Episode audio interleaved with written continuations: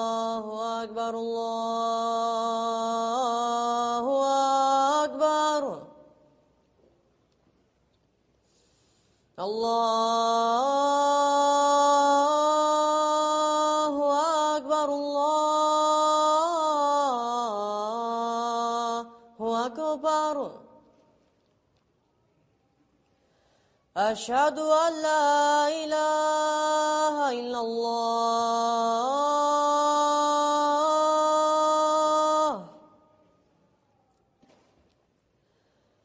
أشهد أن لا إله إلا الله.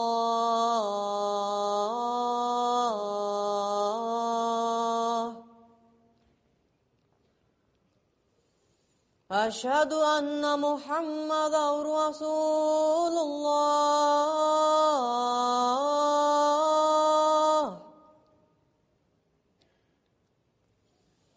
أشهد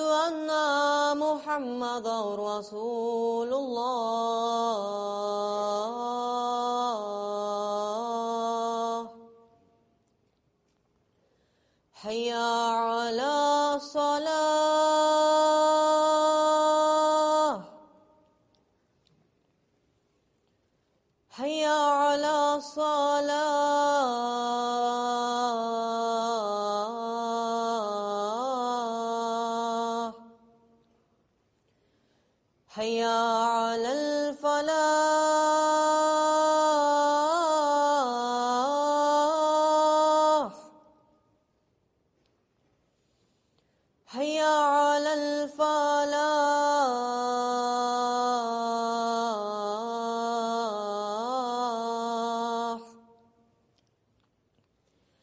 الله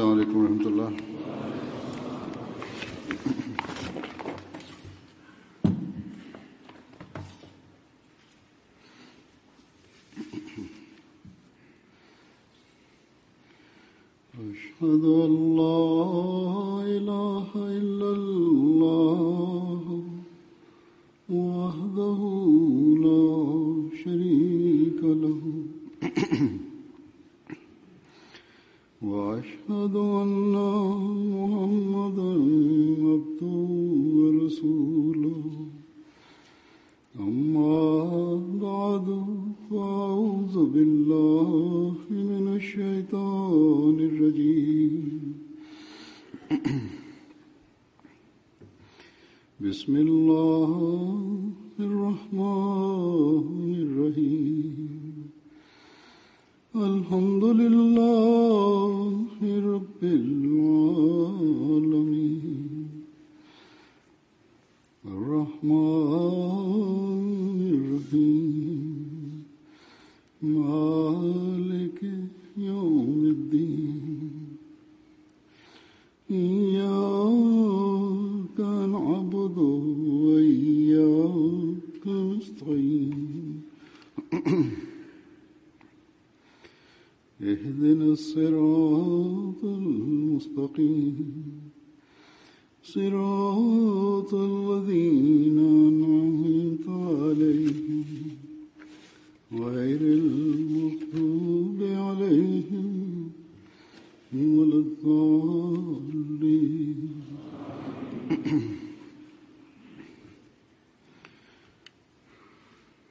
إن كل من يسمي نفسه أحمديا لا يجعله مجرد إعلانه أحمديا حقيقيا فقط وذلك لأنه يؤمن بالمسيح الموعود عليه السلام.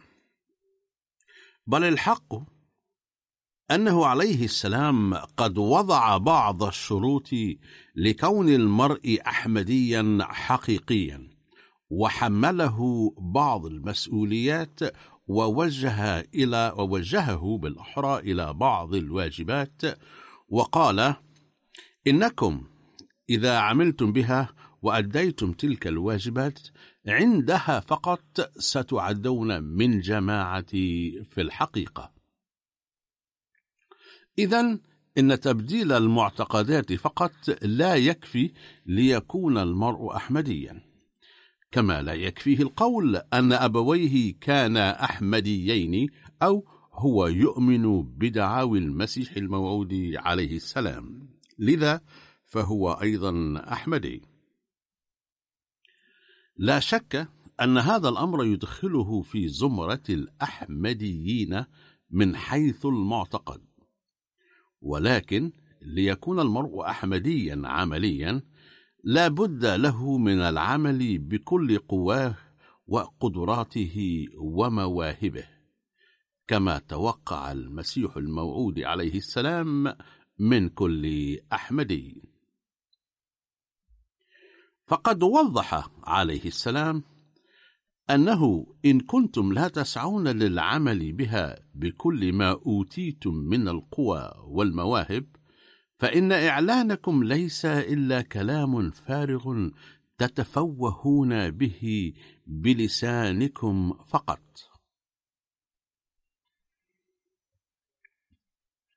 يقول المسيح الموعود عليه السلام ما معناه؟ المراد من البيعة هو تسليم النفس أي أننا بعنا اليوم أنفسنا لله تعالى. وهذا ليس بالأمر الهين فعندما نبيع شيئا فلا يبقى فيه أي حق لنا بل الذي بعناه له يصبح مالكه وله الحق في استخدامه كما يشاء. فهذه هي الحالة التي يجب أن نوردها على أنفسنا. وهذه هي الفكرة التي ينبغي أن نتمسك بها عن أنفسنا. وأضاف عليه السلام وقال عن الوصول إلى هذه الحالة والفكرة. أولا وقبل كل شيء لا بد للمبايع من التواضع والانفصال عن الأنانية والنفسانية. يواصل حضرة من المنين ويقول إذا يقول المسيح الموعود بكلماته أنه لا بد من الانفصال عن الأنانية والنفسانية ولكن الأنانية والنفسانية قد بلغت من بعض الناس مبلغا أن مسؤولا في الجماعة كان ناقما على مسؤول آخر فلم يحضر المسجد للصلاة بالرغم من وجودي هنا. وذلك لأن علاقته مع مسؤول آخر لم تكن على ما يرام. وهذا يعني أن أنانيته ونفسانيته قد ازدادت إلى درجة أنه لم يراعي منصب الخلافة مع مع ادعائه ببيعة الخليفة. بينما يقول المسيح الموعود عليه السلام لا بد للمبايع من التواضع والانفصال عن الأنانية والنفسانية. عندها ينمو ويزدهر. أما الذي يتمسك بأنانيته حتى بعد البيعة فلا يفوز بأي فيض أبدا.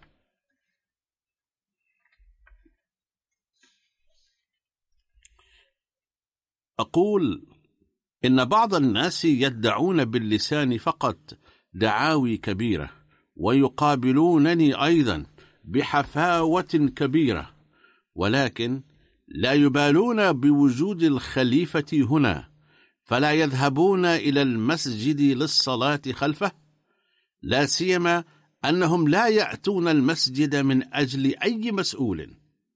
علما أن فاعل ذلك أيضا يحتل منصبا في الجماعة. فإذا كانت الحال على هذا المنوال فلا, فلا فائدة من كون المرء أحمديا على هذا النحو. إذا المراد من بيع النفس هو خلق التواضع في النفس والانفصال عن الأنانية. فلا بد من التنحي عن الأنانية والعجب والنفسانية حتى لا يبقى شيء لنفسه بل فيصبح كل شيء تابعا لأوامر الله تعالى. وإذا حلت هذه الحالة على النفس فإن الله تعالى لا يضيعها. فإذا باع أحد نفسه لله تعالى فإنه سبحانه وتعالى يقدرها أيضا ويحميها من كل الجوانب. يقول المسيح الموعود عليه السلام ما معناه؟ لو وعدتم عند البيعة بشيء ثم كان عملكم مختلفا عن عنه لكان ذلك تناقضا كبيرا فيكم. إن لم تسووا أموركم مع الله تعالى لن يصلح أعمالكم. لذا عليكم أن تحاسبوا إيمانكم وأعمالكم وتروا ما إذا كنتم أحدثتم في نفوسكم تغييرا ونزاهة. حتى يكون قلبكم عرش الله وتأتوا تحت ظل حمايته.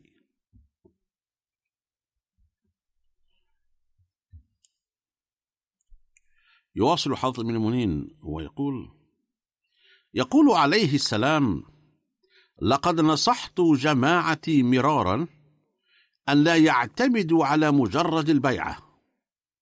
لن تنالوا النجاة ما لم تصلوا إلى حقيقتها. وفي موضع آخر يقول عليه السلام ما معناه؟ أنصحكم مرارا وتكرارا أن تصبحوا طاهرين ونزيهين كما أحدثت الصحابة رضي الله عنهم تغييرا فيهم. إذا فانظروا إلى الصحابة لتروا ما هي التغييرات الطيبة التي أحدثوها في نفوسهم فقد بدلوا عداوة ممتدة إلى سنين بالأجيال إلى الحب والأخوة ناهيك عن امتناع أحدهم عن حضور المسجد نتيجة سخط لبضع دقائق. كان الناس في ذلك الزمن جهلاء ثم أصبحوا أناسا مثقفين.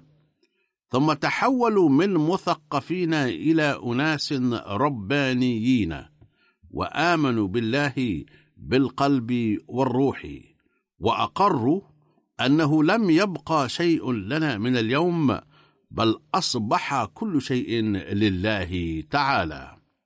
وحين تابوا من الشرك بذلوا قصارى جهودهم لاجتناب الشرك الخفي أيضا. يقول حضرته ما هو الشرك الخفي؟ يقول المسيح الموعود عليه السلام بهذا الشأن.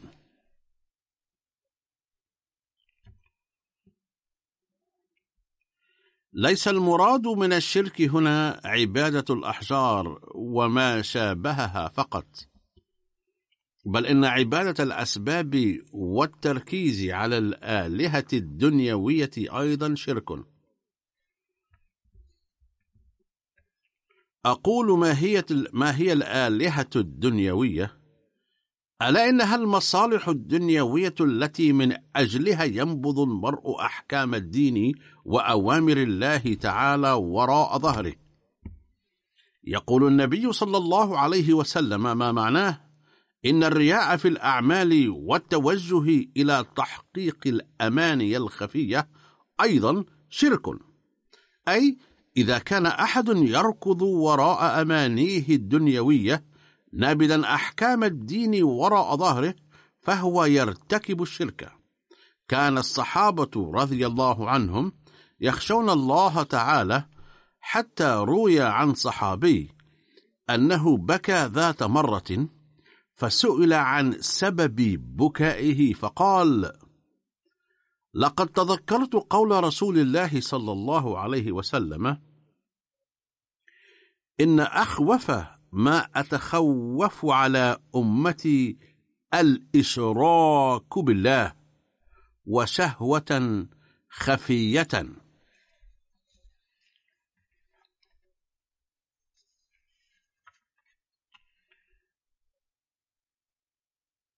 هذه كانت سيرة الصحابة رضي الله عنهم في خشية الله تعالى واجتناب الشرك. كانوا قلقين أيضا من أن يكون في الأمة أناس يرتكبون شركا خفيا. إذا خطرت هذه الفكرة ببال الصحابي المذكور يوما فارتعدت أوصله من شدة القلق وبدأ يبكي. هذه هي الحال التي نتيجتها يمكن للإنسان أن يصبح موحدا حقيقيا وعابدا لله تعالى. يقول المسيح الموعود عليه السلام التوحيد ليس مجرد أن تقول بلسانك لا إله إلا الله وأنت تخفي في قلبك مئات الأوثان بل إن كل من يعظم تدابيره أو خططه أو دهاءه بقدر ما يجب أن يعظم الله بالعبادة أو يعتمد على شخص آخر بقدر ما ينبغي أن يتوكل على الله وحده أو يعظم نفسه بقدر ما يجب أن يعبد الله وحده فهو عابدا للأوثان عند الله تعالى.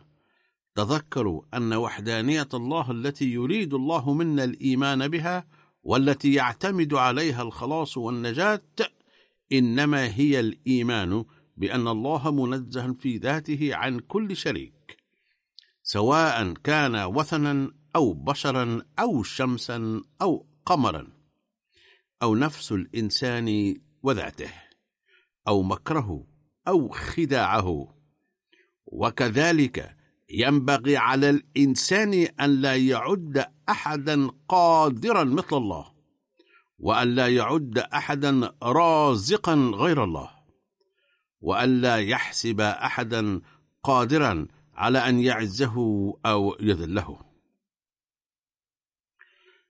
أي يجب أن لا يحسب المرء أن عزته أو ذلته بيد هؤلاء بل كان يحب أن يوقن أن هذه الأمور كلها بيد الله تعالى وحده. هذا هو الشرط الأساسي للإسلام وهو الشرط الأساسي للأحمدية أي الإسلام الحقيقي.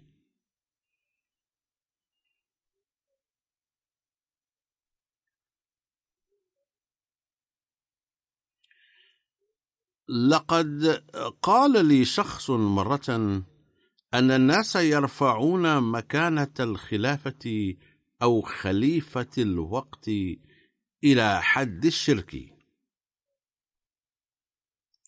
فليكن واضحا أن المسيح الموعود عليه السلام جاء بصفته خادما صادقا للنبي صلى الله عليه وسلم لمحو الشرك من العالم. فلا يمكن بأي حال أن يؤدي تعليمه إلى انتشار الشرك بل إن مهمة الخليفة الأساسية هي القضاء على الشرك وإقامة وحدانية الله تعالى وإكمال المهمة التي بعث المسيح الموعود عليه السلام من أجلها. فإذا كان أحد يأخذ هذا الانطباع من احترام الناس الخليفة أو من لقائهم إياه بإكرام وحفاوة فعليه أن يفكر قبل تبني هذا الرأي لعله يسيء الظن. فإذا كان رأيه هذا مبنيا على سوء الظن فقط فعلى الظانين السوء أن يجتنبوه. أما إذا كان أحد قد بلغ الحد المذكور فعلا حتى نشأ عند الناس انطباع أن مكانة الخليفة الخليفة ترفع إلى حد الشرك فعليه أن يستغفر ويأخذ الحيطة والحذر بعين الاعتبار. لا أقبل أنا ولم يقبل الخلفاء الذين سبقوني ولن يقبل الخلفاء القادمون بإذن الله. فكرة أن للخليفة أهمية بحد ذاته.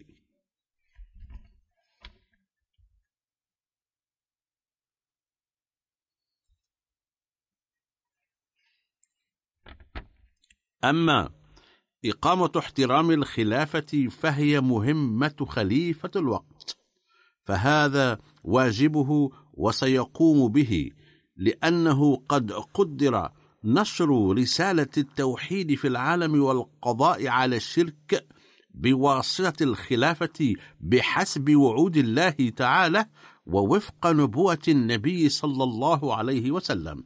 فيجب أن تخرجوا من أذهانكم مثل هذه الأفكار التي تنشأ عموما في أذهان غير ناضجة جراء قلة التربية.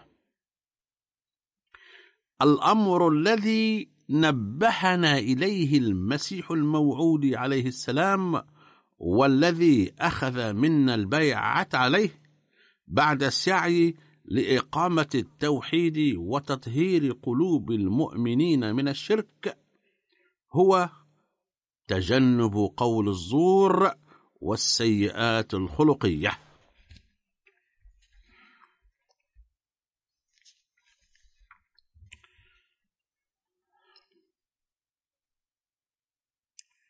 يقول الله تعالى في القرآن الكريم فاجتنبوا الرجس من الأوثان واجتنبوا قول الزور.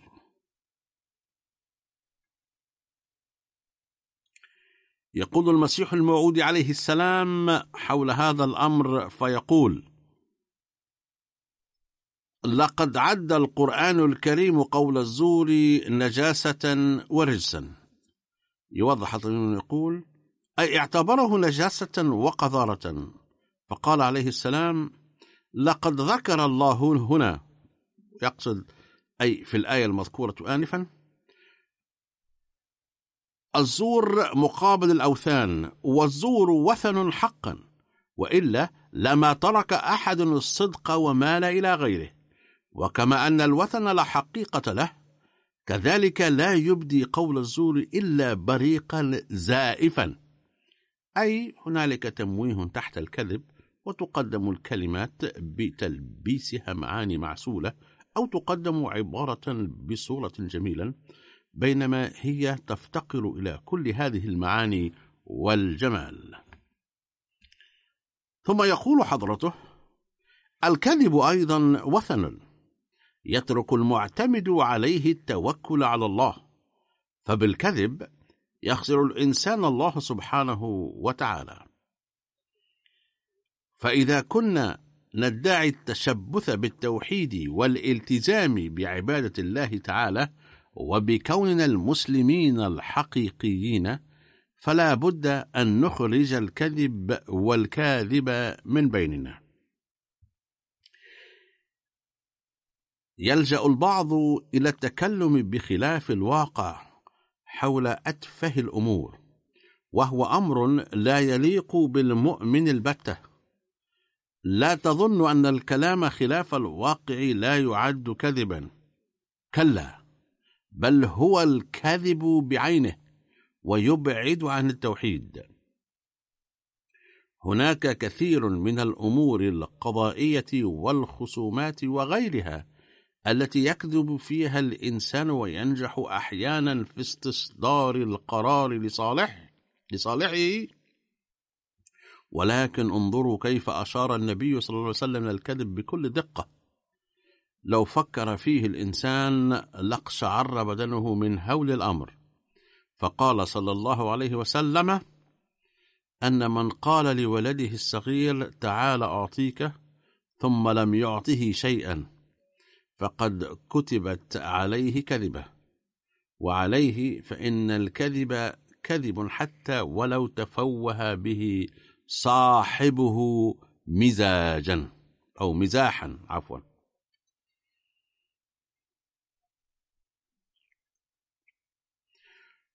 ثم قال صلى الله عليه وسلم الكذب يهدي إلى الفسق والفجور وإن الفسق والفجور يهدي إلى النار. والفسق والفجور يعني الابتعاد عن الصدق وارتكاب الأثام والمعاصي بكثرة. فعلينا محاسبة أنفسنا دوما لنرى ما إذا كنا على المستوى الأعلى المطلوب للالتزام بالصدق الذي ذكره النبي صلى الله عليه وسلم والذي قال عنه بأنه يهدي إلى الجنة.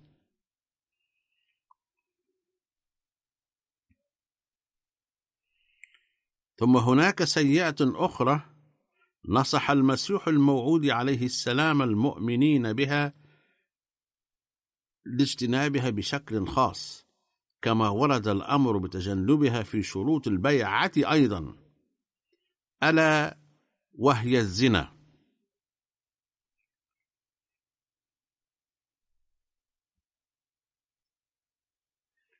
لا يقتصر الزنا على العلاقات الجنسية فقط بل قال حضرته بأن الله تعالى يقول ولا تقربوا الزنا أي ابتعدوا عن مناسبات يمكن أن تخطر بسببها هذه الفكرة ببالكم ولا تسلكوا مسلكا يخشى بسببه الوقوع في الذنوب.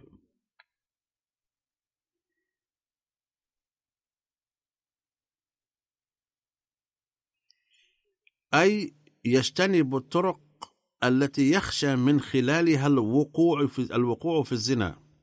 في العصر الراهن تعرض على التلفاز والإنترنت أفلام يتم فيها التحريض على الزنا بشكل علني. فعلى كل أحمدي اجتناب هذه الأمور. إن مثل هذه الأمور أحدثت خصومات في بيوت كثيرة وأدت إلى تفكك الأسر الكثيرة وذلك لأن الزوج يجلس ويشاهد مثل هذه الأفلام على الإنترنت ومنها تتولد الأفكار الخاطئة. كما يفسد من جرائها كثير من الشباب بعد وقوعهم في الصحبة السيئة. وذلك لأنهم اعتادوا مشاهدة الأفلام الخليعة. هذا ما اعتبره المجتمع المتطور المزعوم حرية ورقيا. ولكن علينا أن ننقذ أنفسنا من هذه السيئة؟ لقد أصبح هؤلاء الناس أيضا يقولون الآن بأن أضرار هذه الأفلام كثيرة. وإن تقصيتم الحقائق عن الأفلام الإباحية فستجدون أنها تؤدي إلى الزنا والعنف المنزلي وإنشاء العلاقات غير المشروعة. وإلى حدوث حالات اغتصاب الأطفال. كل ذلك يحدث بسبب هذه الأفلام الإباحية.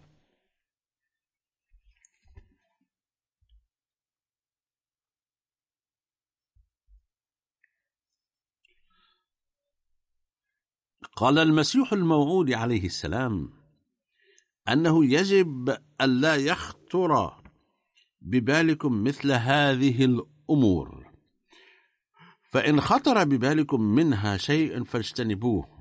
والآن بعد الاطلاع على هذه الأمور يتحقق قول حضرته عليه السلام ويثبت أن هذه الأشياء مليئة بأمور خاطئة وعلى كل أحمدي أن يجتنبها على وجه خاص.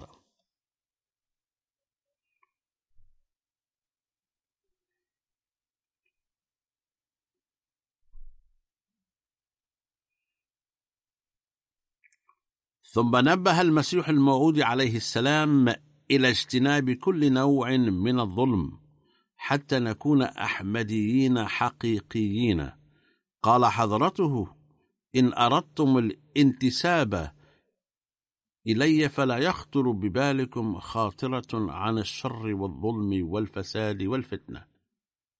وبهذا الخصوص سئل النبي صلى الله عليه وسلم ما هو أعظم الغلول؟ فقال أعظم الغلول عند الله يوم القيامة ذراع أرض يسرقه رجل أي يتسلط عليها غصبا فإن أخذ منها ظلما حجرا يحمل بإصبعين فحسب أي إن سطع على أصغر شيء من هذه القطعة فيطوقه من سبع أرضين.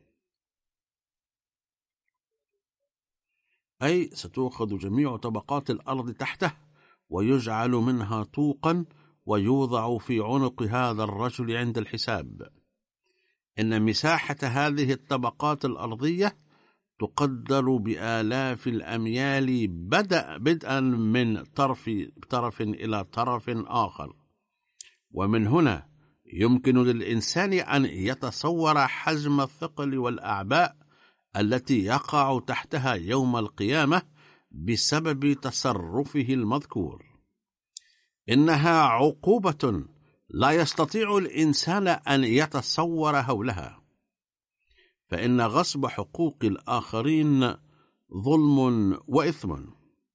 عندما نطلع غير المسلمين على ما نطلع عفوا غير المسلمين على مزايا الإسلام نقول أن تعاليم الإسلام تقدم معايير عليا لأداء حقوق العباد. والإسلام يتكلم عن أداء الحقوق لا المطالبة بها. نخبر الناس بكل لهفة وحماس عن مثل هذه الأمور. ولكن إن كانت أعمالنا مخالفة لها لكنا آثمين وكاذبين. يجب على كل أحمدي أن يحاسب نفسه بكل دقة من هذه الناحية أيضا.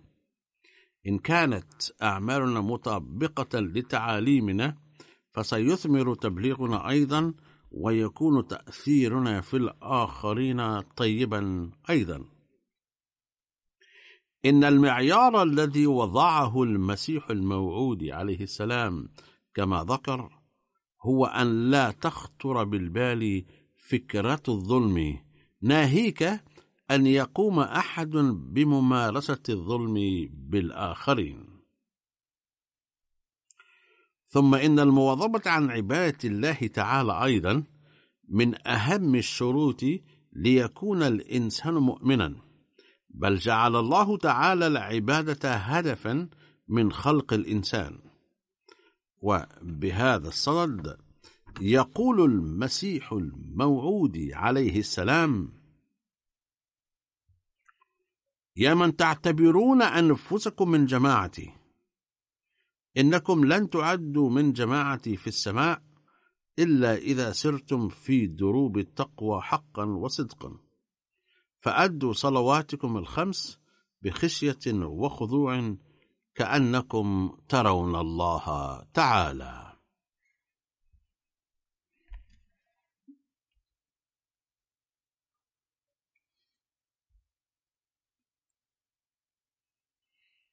ثم قال حضرته عليه السلام الصلاة مكتوبة على كل مسلم. فقد ورد في الحديث الشريف أنه أسلم قوم فجاءوا إلى النبي صلى الله عليه وسلم فقالوا يا رسول الله نرجو أن تعفينا من الصلاة لأننا تجار وتكون معنا كثير من الحيوانات حيث كانوا يربون قطعانا من الحيوانات فيرعونها أو يعملون عند الآخرين ويتحملون مشقة كبيرة. فقالوا بأنه لا ثقة لنا بنظافة الثياب كما لا نجد وقت فراغ حتى نصلي الصلوات خمس الخمس. فقال لهم صلى الله عليه وسلم ردا على ذلك انظروا إن لم تكن هناك الصلاة فماذا بقى بعدها؟ فالدين الذي لا صلاة فيه لا قيمة له. الآن السؤال الذي يطرح نفسه ما هي الصلاة؟ إنما هي أن يعرض المرء تواضعه وضعفه أمام الله ويطلب منه قضاء حاجاته. فإنما الصلاة أن يذكر المرء الله حبا وخوفا وينشغل في ذكره كل حين وآن. وهذا هو الدين بعينه. فالذي يريد أن يتخلى عن الصلاة ويعفى منه فعمله لا يتجاوز عمل الحيوانات أي حالته تشابه الحيوانات. فالأكل والشرب والنوم كالبهائم ليس من الدين في شيء. بل هي سيرة الكفار. فقال المسيح الموعود عليه السلام بوضوح أن ما يميز بين الحيوان والإنسان هو الصلاة والعبادة. وإن كنتم لا تهتمون بأداء الصلاة فانظروا بأنفسكم تحت أي فئة تندرجون. وقد وجهت إلى ذلك مرارا وأوجه بين حين وآخر أنه لو كان المسجد أو مركز الصلاة بعيدا فيمكن لأصحاب بعض البيوت القريبة من بعضها أن يخصصوا مكانا يستطيعون الصلاة فيه. فبذلك ينالون ثواب الصلاة بالجماعة كما يتوجهون. لذكر الله. كذلك تتوجه إلى ذلك أجيالهم أيضا ويتم إصلاحهم. إننا نهتم ببناء المساجد ونبنيها. سوف أدشن غدا إن شاء الله مسجد في فيرجينيا إن شاء الله. ولكن إذا لم يكن توجهنا إلى العبادات فما فائدة بناء المساجد؟ أقول مرارا لو توجه إلى حضور الصلاة جيدا المسؤولون في الجماعة وفي التنظيمات الفرعية لازداد حضور الصلاة أضعافا ولترتب أجيالا قادمة أيضا ستتربى. وهنالك قول النبي صلى الله عليه وسلم عن الصلاة يهز قلوبنا يقينا حيث قال صلى الله عليه وسلم إن أول ما يحاسب به العبد يوم القيامة من عمله صلاته فإن صلحت فقد أفلح وأنجح وإن فسدت فقد خاب وخسر. ليس هينا أن لا يهتم المرء بالصلاة كما هو حقها. ندعو الله تعالى أن يوفق كل أحمدي ليؤدي حق الصلاة ولا يقتصر ذلك على الصلوات الفريضة فقط بل قال المسيح الموعود عليه السلام يجب أن يتوجه إلى إلى أداء صلاة التهجد والنوافل أيضا. وقد قال النبي صلى الله عليه وسلم فأن انتقص من من فريضته شيء قال الرب عز وجل انظروا هل لعبدي من تطوع فيكمل بها ما انتقص من الفريضة؟ وذلك لو كان يؤدي النوافل. لذا أداء النوافل والتهجد أيضا شيء مهم ولا بد من التوجه إلى ذلك. ثم هناك شيء آخر هام للغاية يجب على كل أحمد الاهتمام به وهو أن يتوجه المرء دوما إلى أن يستغفر الله تعالى من ذنوبه. لأن الإنسان ضعيف ففي بعض الأحيان رغم سعيه ليتجنب الأخطاء تصدر منه تصدر منه أخطاء عفوية وإن الله تعالى ليس ممن يمسك بالأخطاء فقط أو يعاقب في كل حال أو ينظر إلى الأخطاء فحسب بل أخبرنا بكيفية الاستعفاء من الأخطاء وطريقة اجتنابها في المستقبل وهو الاستغفار. قال النبي صلى الله عليه وسلم ما كان الله ليعذب قوما وهم يستغفرون. فلو كان بعض القوم يستغفرون نجا الكثيرون الآخرون من العذاب بسببهم. وفي هذا الخصوص قال المسيح الموعود عليه السلام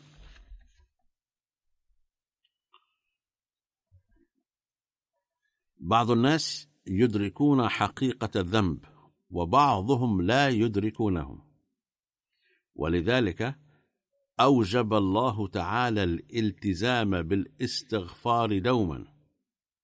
سواء علم المرء بذنوبه أم لا يعلم بها يجب أن يستمر في الاستغفار لأنه لا يعلم متى وماذا ارتكب من الأخطاء دون ما دراية.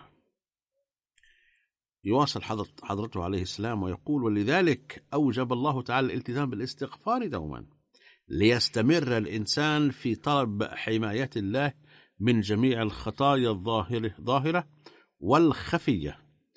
المعلومة منها والمجهولة وسواء التي ارتكبها باليد أو الرجل أو الأنف أو العين. يوضح الطبيب يقول أي جميع أعضاء الإنسان المختلفة تصبح وسيلة ارتكاب الذنوب لذا يجب أن تستمر في الاستغفار لحماية كل عضو من تلك الأعضاء. ولذلك علمنا المسيح الموعود عليه السلام هذا الدعاء قائلا. وفي هذه الأيام يجب الابتهال إلى إلى الله بدعاء آدم عليه السلام بتركيز خاص.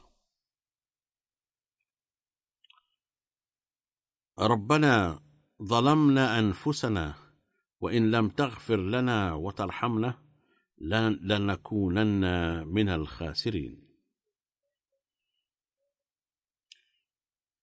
ثم أضاف المسيح الموعود عليه السلام وقال لو استعان الناس بالله تعالى أي استغفروه لزالت تقصيراتهم بتأييد روح القدس.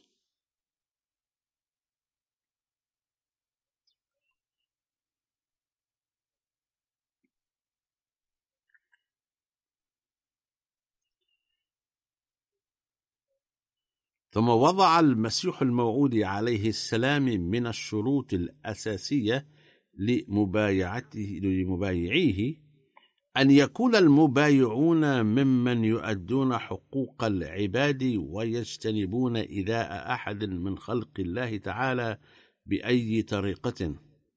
وقال عليه السلام وهو يوجهنا إلى فحص قلوبنا كل حين هل في قلوبكم تقوى الله وخشيته؟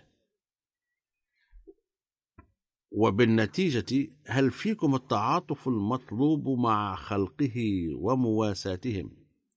فقد ورد في حديث بأن النبي صلى الله عليه وسلم قال لا تحاسدوا ولا تناجسوا ولا تباغضوا ولا تدابروا ولا يبع بعضكم على بيع بعض وكونوا عباد الله إخوانا المسلم أخو المسلم لا يظلمه ولا يخذله ولا يحقره. بحسب امرئ من الشر أن يحقر أخاه المسلم. كل المسلم على المسلم حرام دمه وماله وعرضه.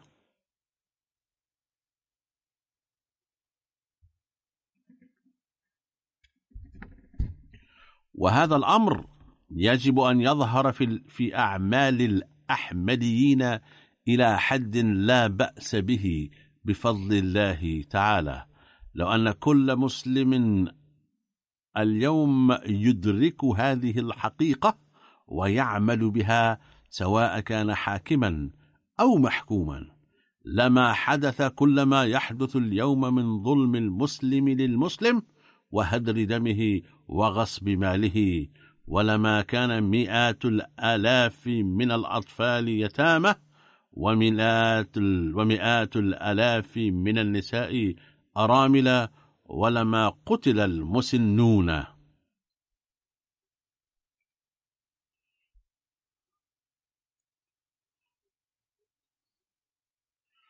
ثم هناك سيئة كبيرة أخرى وهي التكبر الذي أمرنا الله تعالى في القرآن الكريم باجتنابه ووجهنا إلى ذلك النبي صلى الله عليه وسلم أيضا فقال لا يدخل الجنة من كان في قلبه مثقال ذرة من كبر.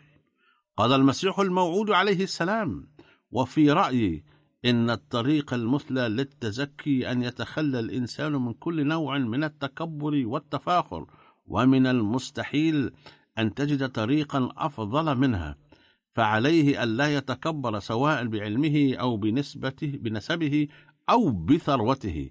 ثم قال عليه السلام إني أنصح جماعتي أن يجتنبوا التكبر لأن التكبر جد مكروه في أعين ربنا ذي الجلال.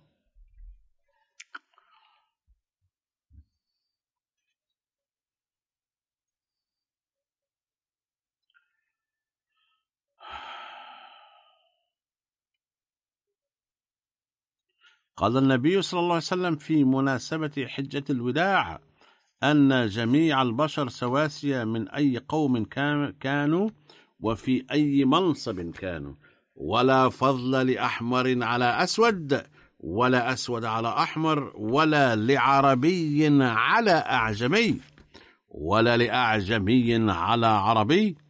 فهذا ما أعطينا من تعليم التواضع والمواساة وتعليم اجتناب التكبر والزهو الذي يجب أن نعمل به. وفي العالم غير الإسلامي يميز بين أحمر وأسود ويدعي بعض الزعماء البيض أن البيض يملكون قوى دماغية وكفاءات أكثر من غيره بغيرهم. هذه هي حالة تكبرهم وعلى كل أحمدي أن يجتنب هذه الأمور.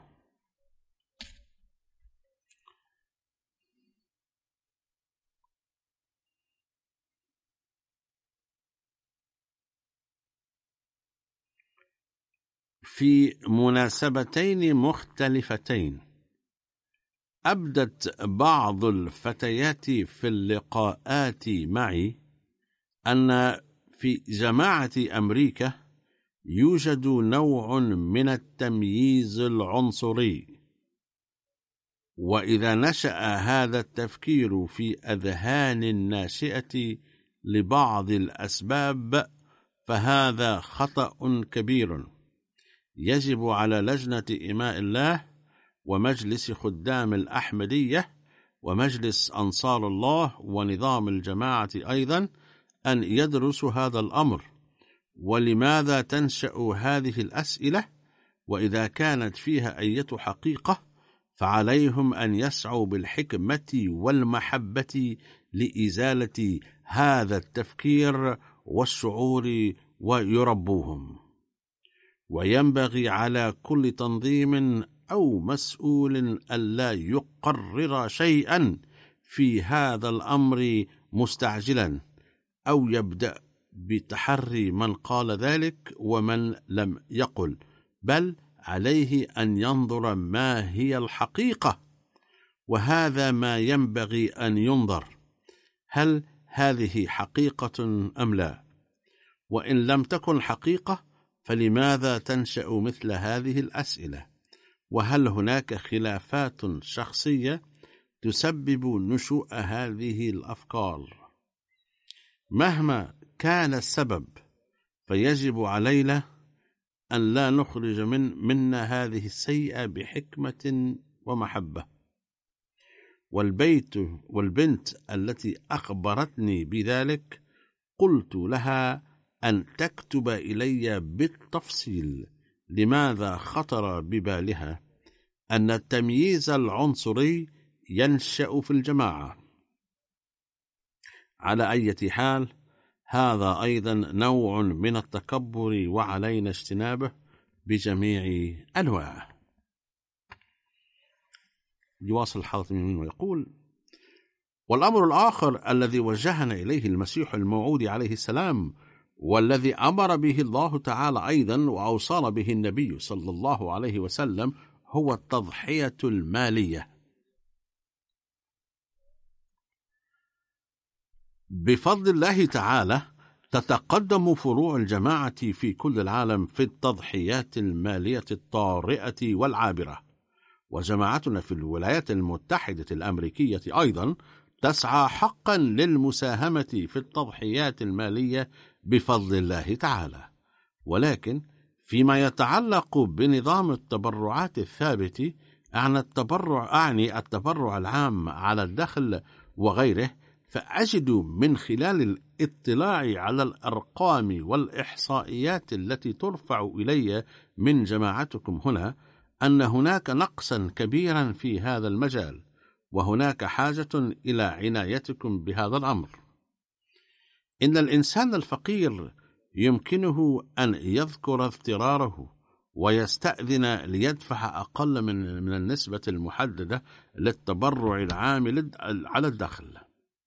ولكن الذين دخلهم جيد فعليهم أن يفحصوا أنفسهم ويروا هل يدفعون التبرع حسب مداخيلهم أم لا. ولكن الذين دخلهم جيد فعليهم يفحصوا أنفسهم ويروا هل يدفعون التبرع حسب مداخلهم أم لا. إذا لا يجوز لهم أن يفعلوا عند دفع التبرع العام كما يفعل الناس عند دفع الضرائب للحكومة حيث يخصمون هنا وهناك. عليهم أن يروا عند دفع التبرع العام ما هو دخلهم لأن أمر الإنفاق والتبرع معاملة مع الله تعالى. إن سكرتير المال أو نظام الجماعة لا يعلم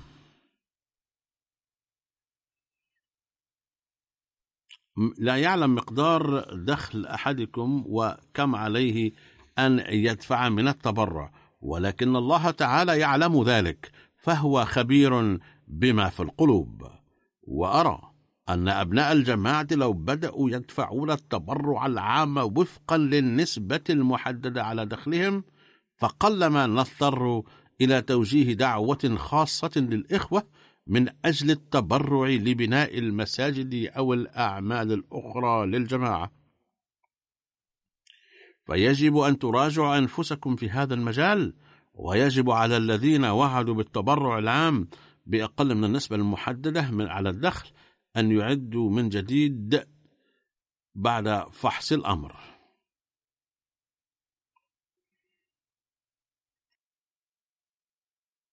أقرأ على مسامعكم في شتى المناسبات قصص المبايعون الجدد من مختلف البلاد كيف أنهم يحدثون التغييرات الطيبة بعد انضمامهم للأحمدية ويحدثون التغييرات الروحانية ويهتمون بالعبادات كما يدركون أهمية التضحيات المالية أيضا رغم فقرهم وكيف أن الله تعالى يكتب لهم الرخاء حسب ظروفهم مما يزيدهم إيمانا وإخلاصا.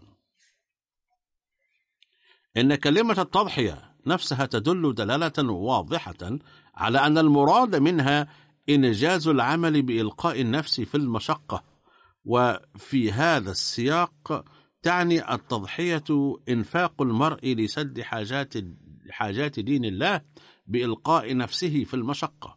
فالذين يدفعون قليلا جدا بدون أي مشقة ويظنون أنهم يقدمون التضحية فإنهم لا يقدمون أي تضحية وإنفاقهم ليس منة على الله أبدا. ولو أنهم لم ينفقوا شيئا فإن الله تعالى سوف يهيئ الأسباب لسد حاجات دينه وكان يسدها وسيظل يسدها بإذنه تعالى.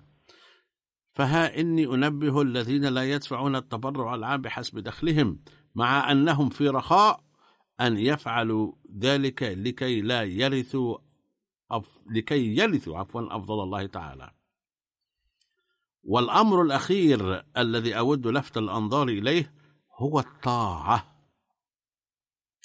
لقد أمر الله تعالى في مواضع كثيرة جدا في القرآن الكريم بطاعته وطاعة رسوله ثم طاعة أولي الأمر.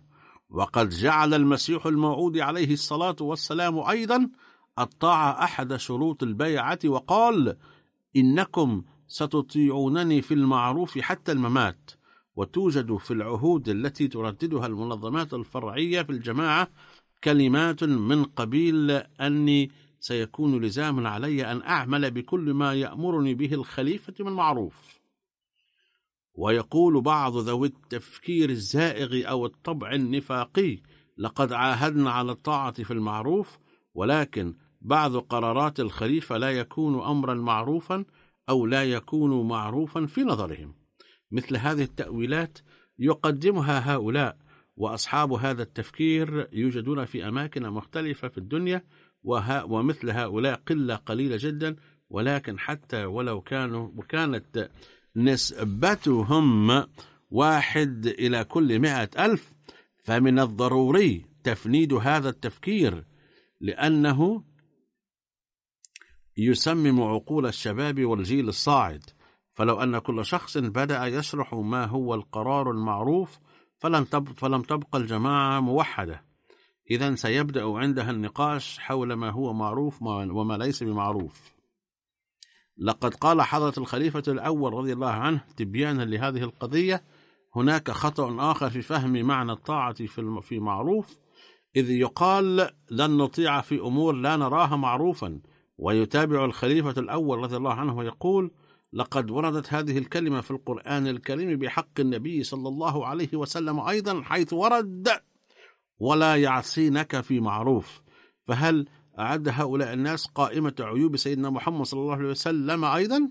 أي سيقولون أن هذا القول من أقواله صلى الله عليه وسلم معروف وهذا ليس بمعروف؟ وقد قال سيدنا المسيح الموعود عليه الصلاة والسلام في تفسير قول الله تعالى يأمرهم بالمعروف أي أن هذا النبي صلى الله عليه وسلم يأمرهم بما ليس خلافا للعقل. وهذا يعني أن المعروف هو ما ليس خلافا للعقل ومطابق لأحكام القرآن الكريم أيضا.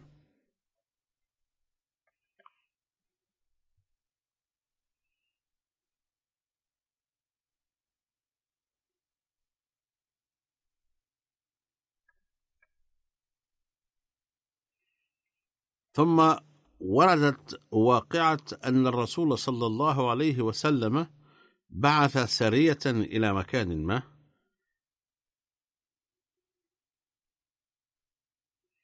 فلما وصلوا هناك أوقدوا النار فقال لهم أميرهم على سبيل المزاح لو أمرتكم بإلقاء أنفسكم في النار فهل تلقون أنفسكم فيها فعلا؟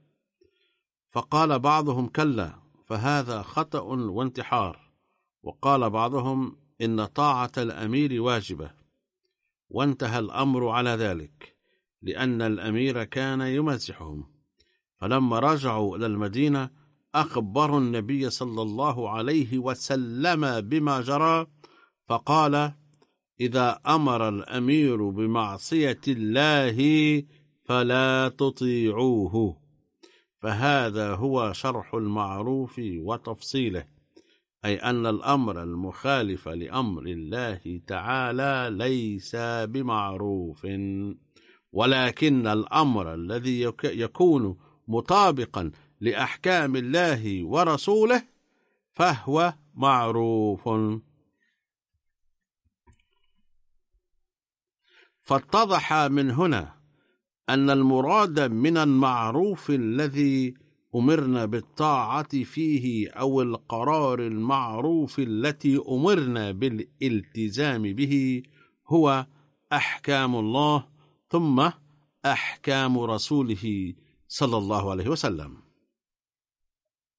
فما دامت الخلافة الحقة قائمة فينا وسوف تظل قائمة إن شاء الله بحسب نبوءة الرسول صلى الله عليه وسلم فلن يصدر الخليفة قرارا مخالفا لأحكام الله ورسوله أبدا. بل سيعمل وفق القرآن الكريم والسنة وكما قلت لقد استخدم الله تعالى في القرآن الكريم تعبير الطاعة بالمعروف أو الطاعة في المعروف أو الالتزام بقرار المعروف. بحق الرسول صلى الله عليه وسلم أيضا. وقد استخدم المسيح الموعود عليه السلام هذا التعبير في شروط البيعة أيضا. كما هو مذكور في كل عهد نردده بحق الخلافة الأحمدية أيضا. ومعناه واضح تماما. وهو تفنيد أو تنفيذ أحكام الله تعالى وحث الجماعة على العمل بها. وعليه فمن واجب كل من يدعي أو يعد نفسه من هذه الجماعة أن يلتزم بهذا العهد ويعمل بكل التعليمات التي يصدرها الخليفة بشأن الجماعة.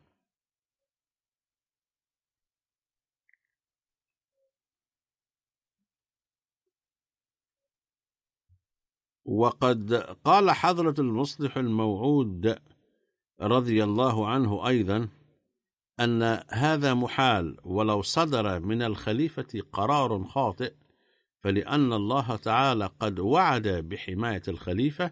لذا فلن تظهر لذلك القرار الخاطئ نتائج, نتائج سيئة بل سيهيئ الله الأسباب التي تظهر نتائج طيبة لهذا لو لذلك القرار.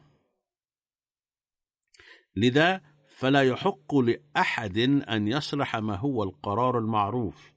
إن القرار المعروف ما يكون مطابقا للقرآن الكريم والسنة والحديث وقرارات المبعوث في هذا العصر حكما عدلا.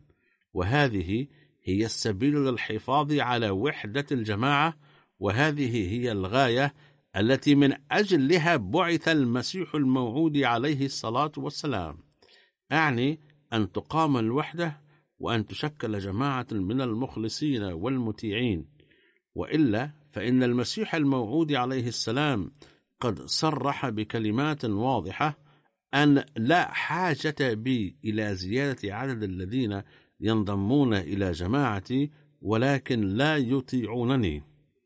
إذا كان الذين ينتمون إلي وينضمون إلى جماعتي لا يصلحون أنفسهم ولا يعيشون وفق أحكام الله وتعاليم رسوله فلا فائدة من هذه البيعة.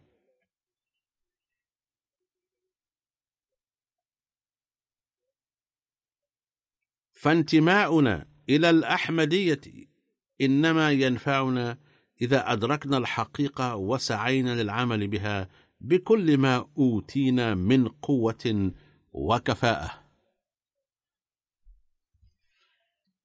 يقول المسيح الموعود عليه الصلاة والسلام الطاعة ليست بأمر هين سهل بل إنها نوع من الموت. إن الذي لا يطيع طاعة كاملة يسيء إلى هذه الجماعة.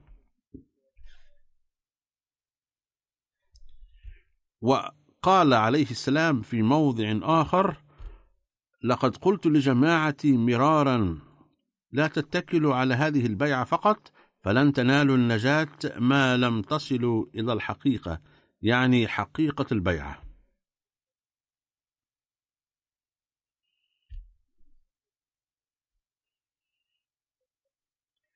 وفقنا الله تعالى جميعا لأن نفهم تعاليم الإسلام الحق ونعمل بها ويوفقنا لنكون من الذين يفون بحق بيعة المسيح الموعود عليه الصلاة والسلام وأن نظل متمسكين بالخلافة دائما بطاعة كاملة وأن نعمل بكافة قرارات الخليفة المعروفة بصدق القلب وبطاعة كاملة. وفقنا الله جميعا لذلك. آمين.